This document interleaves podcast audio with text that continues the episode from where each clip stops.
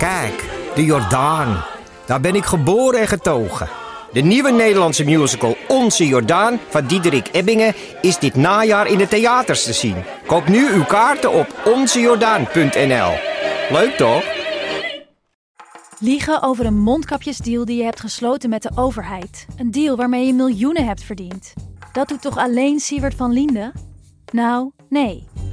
Ik ben Felicia Alberding en in de Mondkapjesmiljonairs duik ik met een team van correspondenten in andere schandalen. Want wist je dat Siewert helemaal niet uniek is? Luister de Mondkapjesmiljonairs in je Podimo-app. Of ga naar podimo.nl slash mondkapjes. En probeer Podimo 30 dagen. podimo.nl slash mondkapjes. Hallo, dit is de wekelijkse podcast van de Groene Amsterdammer. Ik ben Kees van der Bos.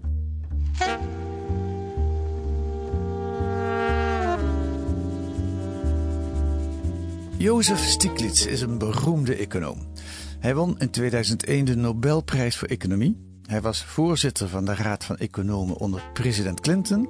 Hij was ooit hoofdeconoom bij de Wereldbank. Veel belangrijker kun je als econoom niet worden. Toch wordt er al ruim 20 jaar niet echt naar hem geluisterd. Ik bedoel, hij mag overal optreden en zijn verhaal vertellen. Maar de neoliberale wind, waar Stiglitz niks van moet hebben, waait al die tijd nauwelijks gehinderd over onze economie. Stiglitz heeft weer een nieuw boek. En het is meteen ook in het Nederlands vertaald. Winst voor iedereen. Progressief kapitalisme in een tijd van onvrede. Hij was even in Nederland en groene columnist Ewald Engelen sprak hem. Welkom in de podcast, Ewald. Ja, goedemorgen. Hoe was dat? Om, eh, je hebt Stiglitz al eens eerder ontmoet, hè? Ja, in hetzelfde hotel, het Ambassadehotel op de Herengracht in Amsterdam. Op een uh, zaterdagochtend, tien uur, sprak ik hem. Ja. Terwijl in het andere zijkamertje naast de ingang een cameraploeg aan het opbouwen was. Voor het volgende interview met uh, de heer Stiglitz. Zo gaat dat met beroemdheden. Zo gaat dat met beroemdheden. Maar je hebt wel een uur, dan kun je wel echt met hem praten. Ja, ja, ja, ja, ja. Nee, en het is een, uh, anders dan de vorige keer toen ik hem sprak. Toen hij uh, gestrest leek en een beetje vermoeid, was hij nu uh, in topconditie. Dus er werd flink gelachen. Um, en de monologen van hem waren zeer levendig en zeer interessant en informatief. Kijk, hoe is dat voor jou? Sta je dan oog in oog met je held? Of kan ik dat zo niet zeggen? Nou, ik ben niet heel erg van de heldenverering. Um, en zeker niet uh, de verering van helden onder economen. Ik heb eigenlijk al heel lang een broertje dood aan deze discipline. Maar ik vind het wel leuk om af en toe te spreken met diegenen die dus inderdaad hun kop boven het maaiveld uitsteken. En uh, driftig durven te ageren tegen wat de consensus binnen de economische discipline is. Ja, dat kun je van Stiglitz wel Absoluut. Zeggen. En het grappige is dat hij het ook van binnenuit doet. Hè? Hij, hij is daar belangrijk hm. geweest. Jazeker. Nee, hij heeft dus inderdaad, uh, ja, wat is het? Hij heeft in de modder gestaan. Hij heeft zijn Ja. handen vies gemaakt. Ja. Hij heeft gezien hoe het functioneert. En hij heeft uh, op basis daarvan ook uh, ja, toch tamelijk polemische boeken Ja. en stukken geschreven. Ja. Um, even vooraf, is economie eigenlijk een wetenschap? Ik bedoel, jij bent politiek en sociaal filosoof, maar je roert je in het economiedebat. Ja. Je schrijft een economische column in De Groene, Ja. maar je hebt er niet echt voor geleerd. Nou, in het Engels heb je altijd dat onderscheid tussen de arts en de sciences. En de sciences is een woord, hè, de, de wetenschappen, wat eigenlijk vooral uh, gebruikt wordt om de natuurwetenschappen mee aan te duiden. Uh, de sociale wetenschappen hebben altijd een soort moeilijke tussenpositie ingenomen tussen de arts aan de ene kant en de sciences aan de andere kant. En ik zie uh, de economie of de economische als een doodnormale sociale wetenschap, waarbij men tegelijkertijd leent, leunt op de, op de arts en tegelijkertijd ambieert om zoveel mogelijk science te zijn. Maar dat lukt natuurlijk niet, want de sociale werkelijkheid laat zich nou eenmaal heel erg moeilijk in de modellen vatten waar economen zo graag mee goochelen. Ja. ja, ik vraag het ook omdat ik heb heel wat programma's gemaakt in mijn tijd bij Argos. En, en eh, ik heb het daarvan geleerd eigenlijk. Als je een, welke stelling je ook hebt, je kunt er altijd een econoom bij vinden die je voor je gaat onderbouwen. Dat is ook zo. Ik bedoel, er is ooit een Amerikaanse president geweest uh, die gezegd heeft, bijna wanhopig geschreeuwd heeft over een one-armed uh, economist. Want de econoom geeft altijd twee adviezen. Als je dit doet, dan krijg je dat. Ja. En als je dat tegenovergestelde doet, dan krijg je iets anders. Ja. Dus het is inderdaad zo dat er een zekere mate van diversiteit aan standpunten binnen de economische discipline is. Nou, dat is zacht uitgedrukt, of niet? Nou, nee, ik zou juist het tegenovergestelde willen beweren. Dat uh, ondanks die schijn van diversiteit er toch eigenlijk vrij grote homogeniteit en consensus is. En die consensus is in hele belangrijke mate toch dat overheden heel voorzichtig moeten zijn met het interveneren in markten. Dat markten de meest efficiënte allocatiemechanismen zijn. Dat mensen al, over het algemeen genomen volledig geïnformeerd zijn. Dat ze een welgeordende set van preferenties hebben, et cetera, et cetera. Al die doctrines die ten grondslag liggen aan de economie, die delen heel veel economen. En wat je nu beschrijft, is ook de kern, denk ik, van het neoliberalisme. Ja, heel erg. En dat betekent dus ook dat uh, heel veel economen, ook al zullen ze zichzelf nooit expliciet neoliberaal noemen, in hun aanbevelingen, in hun probleemdiagnoses, uiteindelijk uh, lijken op wat neoliberale economen voorstellen. En die kern is. Uh, als markten zijn beter dan overheden. Ik wou het zeggen, maar jij ja. zegt ja. Uh, markten kunnen alles beter eigenlijk. Absoluut. Ja, ja. En, en, en dat is een ideologisch uitgangspunt. Het is misschien ja. zelfs onzin. Ja, nee, dat is heel. in, in, in het gesprek wat ik met Stiglitz had, uh, verwees hij uitvoerig naar gesprekken die hij eind jaren 60, begin jaren 70 met Milton Friedman, hè, de, de baarlijke duivel van het neoliberalisme, had. Ja. Waarbij hij dus aangaf van ja, de man heeft in de jaren 50 degelijk economisch-wetenschappelijk werk gedaan. Friedman bedoelt hij. Ja. Friedman, ja. ja. Um, maar, en dat zegt Stiglitz dan, um, maar in de jaren 70 was hij meer een ideoloog en een gelovige geworden, die ook helemaal niet meer bevattelijk leek voor welke tegenargumenten argumenten dan ook. Ja. En Stiglitz die deed dat op basis van uh, zijn eigen economisch werk. Wat dus had laten zien dat uh, markten absoluut niet efficiënt zijn. Dat markten gekenmerkt worden door heel veel vormen van falen. En dat er dus een grote rol weggelegd ligt voor overheden. Ja, maar het probleem is wel, denk ik dan, dat daar geen wetenschappelijke consensus over is. Ofwel in de zin van de ene ideoloog zegt de markt kan het beter, de andere zegt nee, de markt moet in toom gehouden worden. Maar je kunt het allebei beweren en een, fatsoenlijke baan krijgen. Ja, nou wat Stiglitz probeert te laten zien, en dat is dus ook in zijn wetenschappelijk werk zichtbaar, is dat hij wel degelijk theoretische en later natuurlijk ook empirische bewijzen gevonden heeft voor de redenering dat markten niet efficiënt zijn en dat markten falen en dus overheidsinterventie nodig hebben. En eigenlijk zou je natuurlijk kunnen zeggen, ik bedoel, hij deed dat begin jaren zeventig, was vooral een theoretisch argument op basis van modellen. Uh, Veertig jaar later worden we natuurlijk geconfronteerd met de gevolgen van die neoliberale experimenten. En dan moeten we constateren dat we inderdaad te maken hebben met stagnerende lonen, een, een arbeidsinkomensquote, dat deel wat naar van de bedrijfswinsten die naar arbeid gaat, die alleen maar naar beneden gaat. We hebben een gigantische ecologische crisis om onze handen. Dus falen all over the place. Ja, uh, en dat ja. betekent natuurlijk uiteindelijk het failliet van al die neoliberale doctrines. Ja, ja. Uh, Ayn Rand heeft er prachtige romans over geschreven. Over de, de kracht van de markten. De eeuwige bron, de kracht van Atlantis. Ik noem de Nederlandse titels. Ja. Uh, het zijn uh, verschrikkelijk mooie romans over ideeën die ik eigenlijk verwerp. Maar de boeken zijn mooi. Um, ik moet heel eerlijk bekennen dat ik uh, bij het uh, proberen tot me te nemen van een, een, radicaal libertaristische redenering. En dat doet zij? Dat doet zij. Me beperkt heb tot uh, een filosoof, Robert Nozick, Energy, State and Utopia. En die dat in filosofische termen doet. Ja. Nou, dat is, een, dat is eigenlijk die argumentatie in zijn meest pure vorm. Ja. En ik heb ah, die boeken van Ayn Rand heb ik altijd terzijde geschoven. Dus ik kan niet met jou meegaan in de zin van zijn ze mooi. Wat Nee. ik wel kan zeggen, het is dezelfde redenering. En die redenering deugt niet. dat, Nee. dat, die hangt heel erg af van je basisassumpties. Namelijk dat eigendomsrechten uiteindelijk uh, onaantastbaar zouden moeten zijn. En als je dat accepteert, dan volgt de rest. Maar dat accepteer ik niet. Nee. Dus dan houdt het eigenlijk helemaal op. Ja, maar ik bevind me in gezelschap van iemand als Hans Achterhuis, die ook het Ja. ne- neoliberalisme. En natuurlijk Iso ten Hoven die het op de planken gebracht Ja. heeft uh, Ja. bij, in, in Amsterdam. Ja, heb ik ook gezien. Prachtig stuk. Maar het is heel, heel prikkelend om een stuk te zien of een boek te lezen over. Waar je het niet mee eens Ja, bent. Ja, en nee, wat- absoluut. Daar ben ik eh, het helemaal mee eens. Eh, we gaan luisteren naar eh Stiglitz. Ehm, eh, de ondertitel van zijn boek is Progressief kapitalisme in een tijd van onvrede. Dat progressief kapitalisme legde hij uit bij het platform Democracy Now. One of the things I wanted to say is that any modern economy, the market is going to have to play an important role. So that's why I wanted to use the word capitalism. But I wanted to s- signal that the form of capitalism that we've seen over the last 40 years has not been working for most people. And that's the why I talk about people. We, we, we have to have progressive capitalism.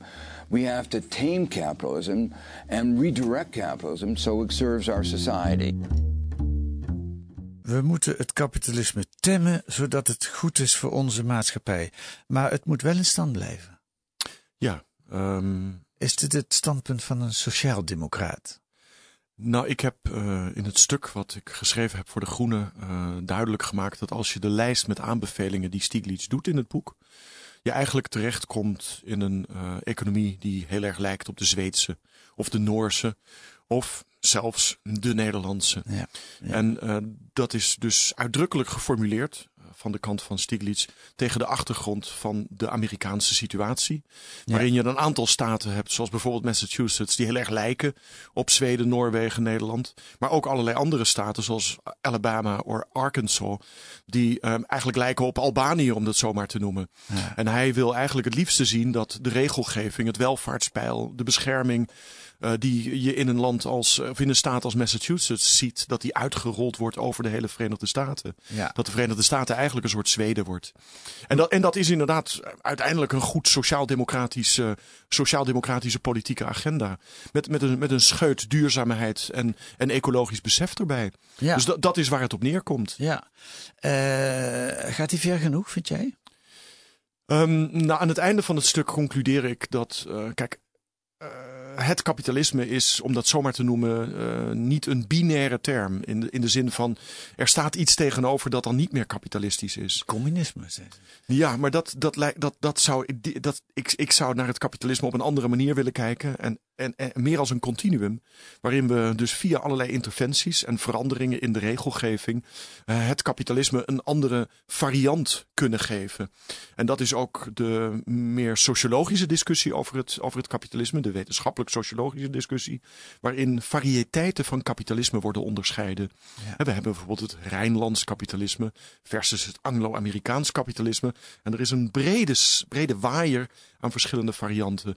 En, en ik denk dat we inderdaad moeten in, in, in, een, in een richting waarin de uitwassen, de excessen die we op dit moment zien, dat we die uitbannen. En uh, dat moeten we doen via gerichte regelgeving. En wat dat dan vervolgens in de toekomst voor soort van kapitalisme gaat op, opleveren, ja, daar heb ik op dit moment geen naam voor. Maar ik denk wel dat Stiglitz inderdaad niet ver genoeg gaat. Hm.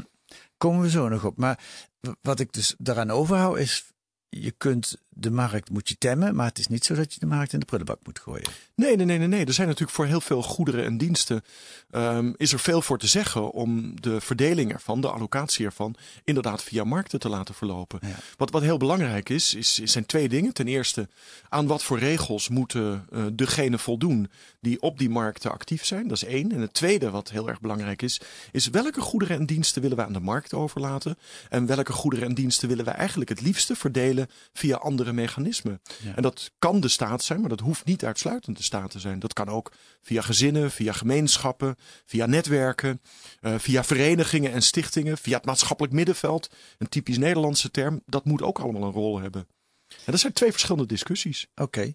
Okay. Um, laten we even kijken naar wat er nog misgaat en dan dadelijk naar verder richting oplossingen. Uh, de, een van de ondertitels in het, de Amerikaanse titel van het boek van Stiglitz is Power. People, ja. power, profits. En over power zei hij in Democracy Now! dit. The other word I talk about is power. Here, what I'm trying to capture is there's a real sense of powerlessness uh, by a lot of Americans. Powerlessness in the economy and powerlessness in our politics. It's because of the increased concentration of market power in our economy, the growth of those monopolies, tech monopolies, monopolies in so many sectors. De monopolies als gevolg, de, de concentratie van economische macht bij ja. grote mastodonten ja. in de economie. Ja. Heeft, dat is een, een, een, inderdaad cruciaal. Een ja, dat is absoluut cruciaal. En dat is inderdaad een ongelooflijk groot en groeiend probleem. Uh, we hebben vanaf het einde van de jaren zeventig hebben we markten in elkaar laten overvloeien. Um, waardoor de bewegingsvrijheid van met name de factor kapitaal ongelooflijk veel groter is geworden. En die bewegingsvrijheid uh, bij uh, een afnemende bewegingsvrijheid voor arbeid heeft ertoe geleid dat de machtsbalans tussen arbeid en kapitaal enorm doorgeslagen is in de richting van kapitaal. Dat heeft geleid tot enorme economische machtsconcentraties die op dit moment, en dat zie je in Nederland, je ziet het in Brussel, je ziet het in Washington, ja, ook leidt tot een uitholling van onze democratie. Het is niet meer one woman, one vote, maar het is one dollar of one euro, one vote. Nou, die euro's en die dollars, die zitten vooral bij het grootbedrijf. En dat uh, vertekent, corrumpeert politieke besluitvorming. Denk denk aan de hele dividendbelastingsaga in Nederland van afgelopen jaar. Waarbij Rutte op verzoek van Paul Polman van Unilever eigenlijk heel eenzijdig het, het, het belastingwetboek gaat veranderen. Ja, dat kan natuurlijk niet in een democratie. Nou, dat is ook in de Verenigde Staten schering en inslag. En daar moet heel nodig wat aan gedaan worden. Lijkt me allemaal vrij overtuigend. Maar nou kom ik bij een, wat mij betreft, groot probleem. Kijk, het grote wonder is, wat mij betreft, dat neoliberalisme slecht is voor mensen. Nou, dat kun je, kijk maar om je heen, zou ik Ja, zeggen. zo is dat. Ehm, maar toch slaagt het erin om veel mensen op rechtse of populistische partijen te laten stemmen. De VVD is de grootste partij. Nou ja, de Ja. Forum voor Democratie was bij de Statenverkiezing de Ja. grootste partij. Dus mensen stemmen tegen hun eigen belang. Vroeger in het Marxisme heette dat vals, Vals bewustzijn. bewustzijn. Ja, nee, zeker. Hoe heet dat nu? Hoe moet ik dat, hoe moet ik dat nee, uitleggen? is, dat is een ingewikkelde.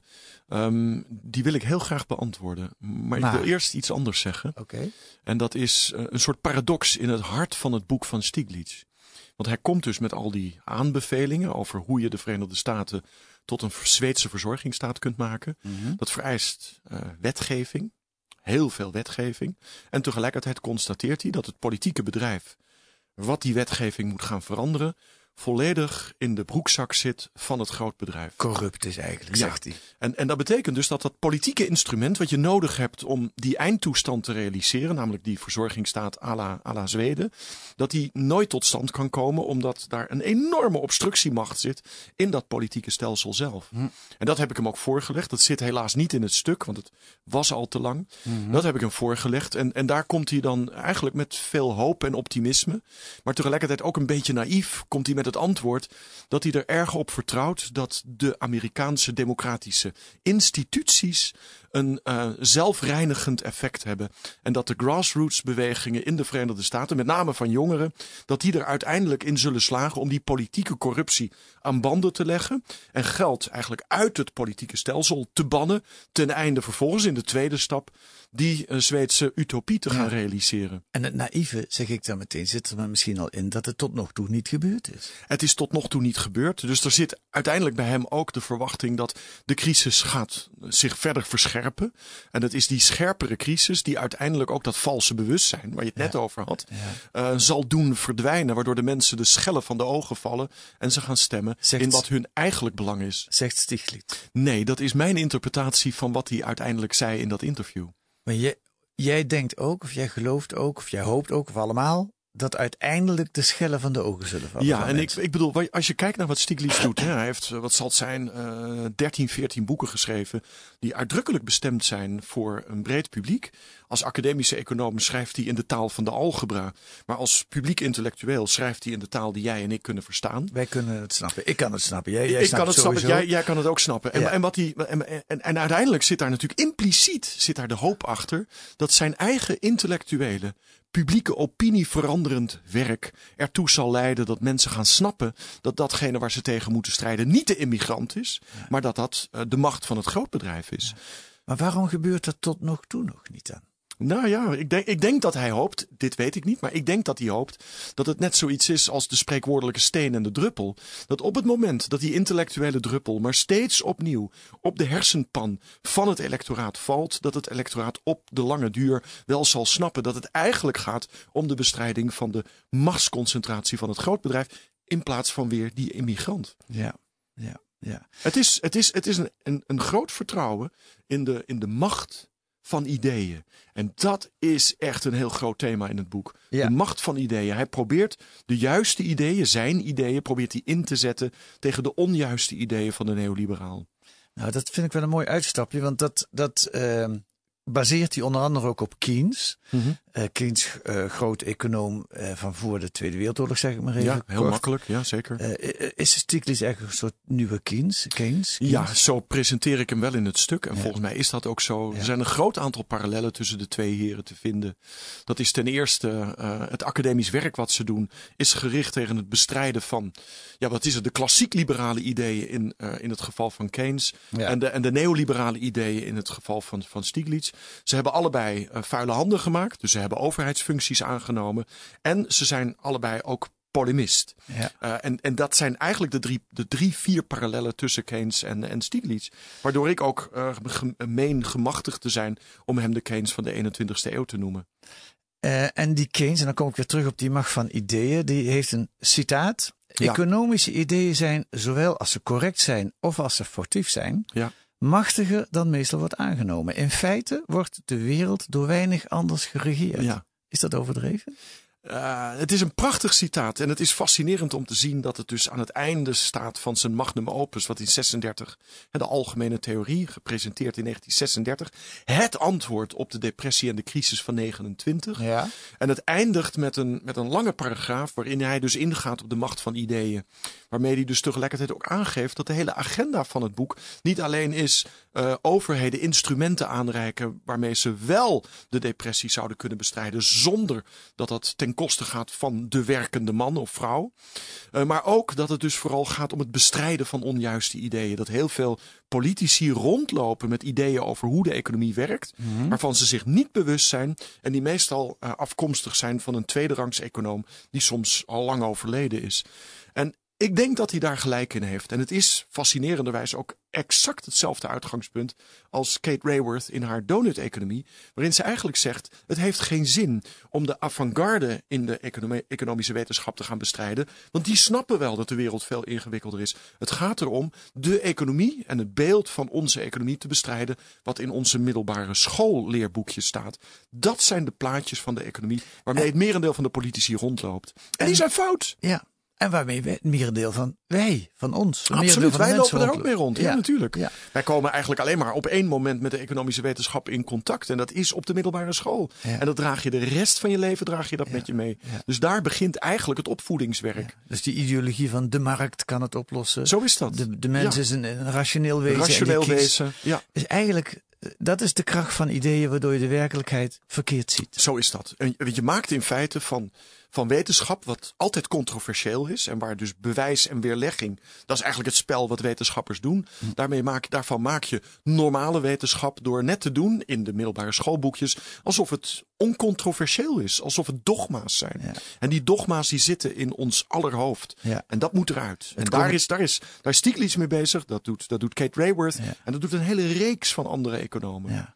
Het wordt ons verteld als het communisme is een ideologie en het kapitalisme is gewoon wetenschap. eh, ja, en is gewoon en normaal en dat is de natuurlijke orde der dingen. En Ja. dat is niet zo. Ja.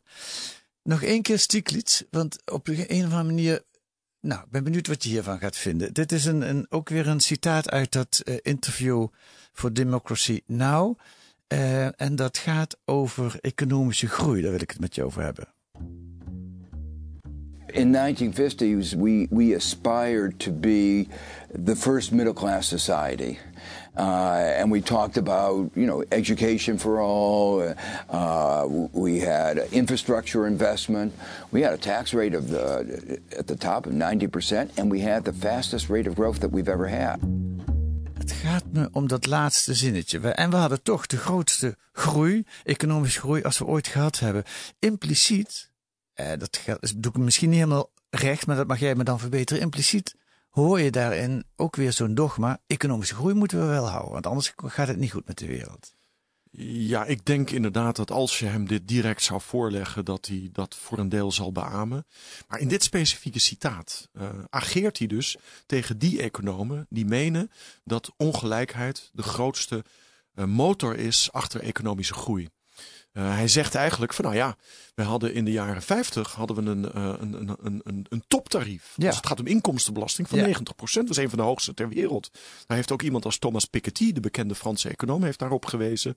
En wat we zagen empirisch in die periode is dat eh, de groei eh, is, was veel hoger dan eh, hij was toen we dat toptarief verlaagd hebben naar, wat zal het zijn, 35% die het nu is. Dus de, de argumentatie dat hoge inkomstenbelastingtarieven ten koste gaan van de groei is empirisch ondeugdelijk. Dat, is, dat is eigenlijk wat hij hier zegt. Ja. En daarmee ageert hij direct tegen de economische paardenfluisteraars die iemand als Donald Trump om zich heen verzameld heeft. Maar dan jouw andere punt. Eh, maakt hij hiermee niet tegelijkertijd een heilige graal van een zo hoog mogelijk bruto binnenlands product? Ja. En is dat wel te verenigen met onze noties van duurzaamheid? Dankjewel voor het herformuleren van mijn vraag, maar zo bedoelde ik het wel. Ja, ja, nee, maar ik wilde gewoon even, even Ja. aangeven dat dit is wat, die, wat, wat zijn inzet was. Ja. En um, ik, vind, ik vind dat een ingewikkelde. Hij is ook degene geweest die samen met Amartya Sen, een andere Nobelprijswinnaar economie, en een Fransman genaamd Fitoussi, in opdracht van president, uh, toenmalig president Sarkozy, een rapport heeft geschreven waarin ze korte metten maken met het centraal stellen van het bruto binnenlands product als de voornaamste meeteenheid van economisch succes. Dan gaat het goed. Als dat maar hoog is, ja, dan gaat het goed. Dus daar, daar, daar neemt hij afstand van. En gisteren of eergisteren stond in The Guardian een ingezonden stuk van hem. Waarin hij exact datzelfde punt weer maakt. Wij moeten een veel bredere set van uh, instrumenten gaan hebben. Met behulp waarvan we onze economische, maar ook maatschappelijke welvaart en ecologische welzijn uh, ja. gaan meten. Ja. Dus hij is niet een dogmatische gelover in het belang van een hoog bruto binnenlands product. Hij is zich juist terdege bewust van het feit dat verhoging van je BBP kan wel eens leiden tot een verlaging van welzijn. Als je onder welzijn ook dingen verstaat als ja, een gezond leefklimaat, een ontspannen ja. arbeidsmarkt, tijd voor het van naar school brengen en het van school halen van je kinderen, uh, het verzorgen van je moeder, allemaal van dat soort dingen. Daar is hij zich juist enorm bewust van.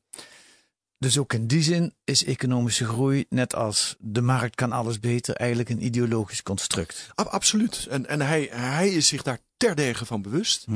Um, wat ik hem aan het einde van het stuk uh, enigszins verwijt, is dat als het gaat om die ecologische vraagstukken, ja. dat hij uh, onvoldoende onderkent dat niet alles in een economisch model gevangen kan worden en ook niet allemaal in een economisch model gevangen moet worden. Hoe bedoel dat, je? Nou, als het gaat om ecologische kosten, dan hebben economen het over externaliteiten. Ja, het klimaatprobleem is een externaliteit. externaliteit. Nou, ja. Kijk, uh, ook conceptueel gezien betekent dit dat de economie als het ware losstaat van de natuurlijke inbedding. Ja. En, en dat is een foute wijze van conceptualiseren. We ja. moeten onze maatschappij en economie zien als in uh, onderhevig aan een stofwisselingsproces met onze natuurlijke omgeving. Ja. En dat, dat betekent dat het geen externaliteit is. En als je het tot een externaliteit uh, maakt, dan betekent dat vervolgens dat je dat weer als een kostenpost in je model wil inbrengen. En dan moet je het gaan monetariseren. Dan moet het gekwantificeerd worden. Dan moet er een prijskaartje aan toegekend gaan worden.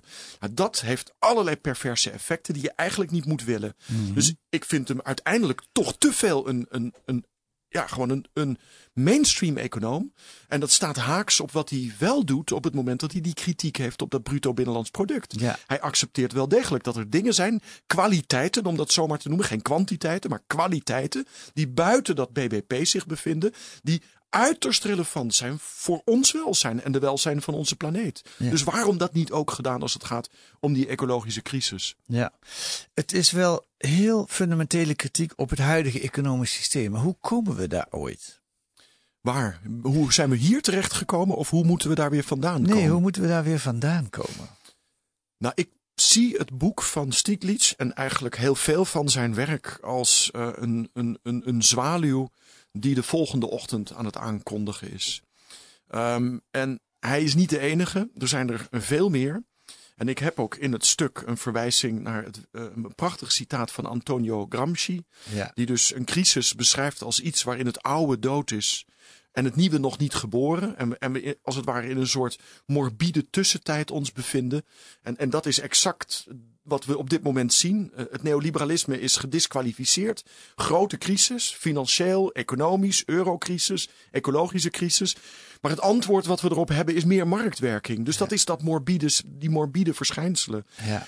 Maar dat nieuwe, dat is op dit moment wel degelijk aan het geboren worden. In status nascendi, zoals dat dan zo mooi heet. En, en Stiglitz levert daar een hele belangrijke bijdrage aan. En hij is niet de enige. Dus bij een volgende crisis, die onherroepelijk gaat komen, liggen eigenlijk de brokstukken, de puzzelstukken van wat het alternatief moet zijn, die liggen klaar. Ja. Kijk ook naar het manifest wat de Labour Party een aantal dagen geleden maandag gepresenteerd heeft. Dat bestaat uit puzzelstukken die afkomstig zijn uit het werk van, van Stiglitz en anderen. En kijk ook naar wat er straks bij, binnen de Democratische Partij gaat gebeuren. Als Warren of Sanders of op de een of andere manier het geluid van AOC dominanter gaat worden binnen de Democratische Partij, dan zul je ook zien dat daar een consistent, coherent programma uit gaat komen wat het kapitalisme sociaal en duurzaam gaat maken. De nieuwe, de nieuwe vormen en de nieuwe gedachten zijn er. En dat is prachtig. Wat een mooi hoopvol Ja. Bijna het poëtisch einde. En je ziet zelfs een positieve tekenen. Las ik in je essay, interview, het is allebei een beetje. ja.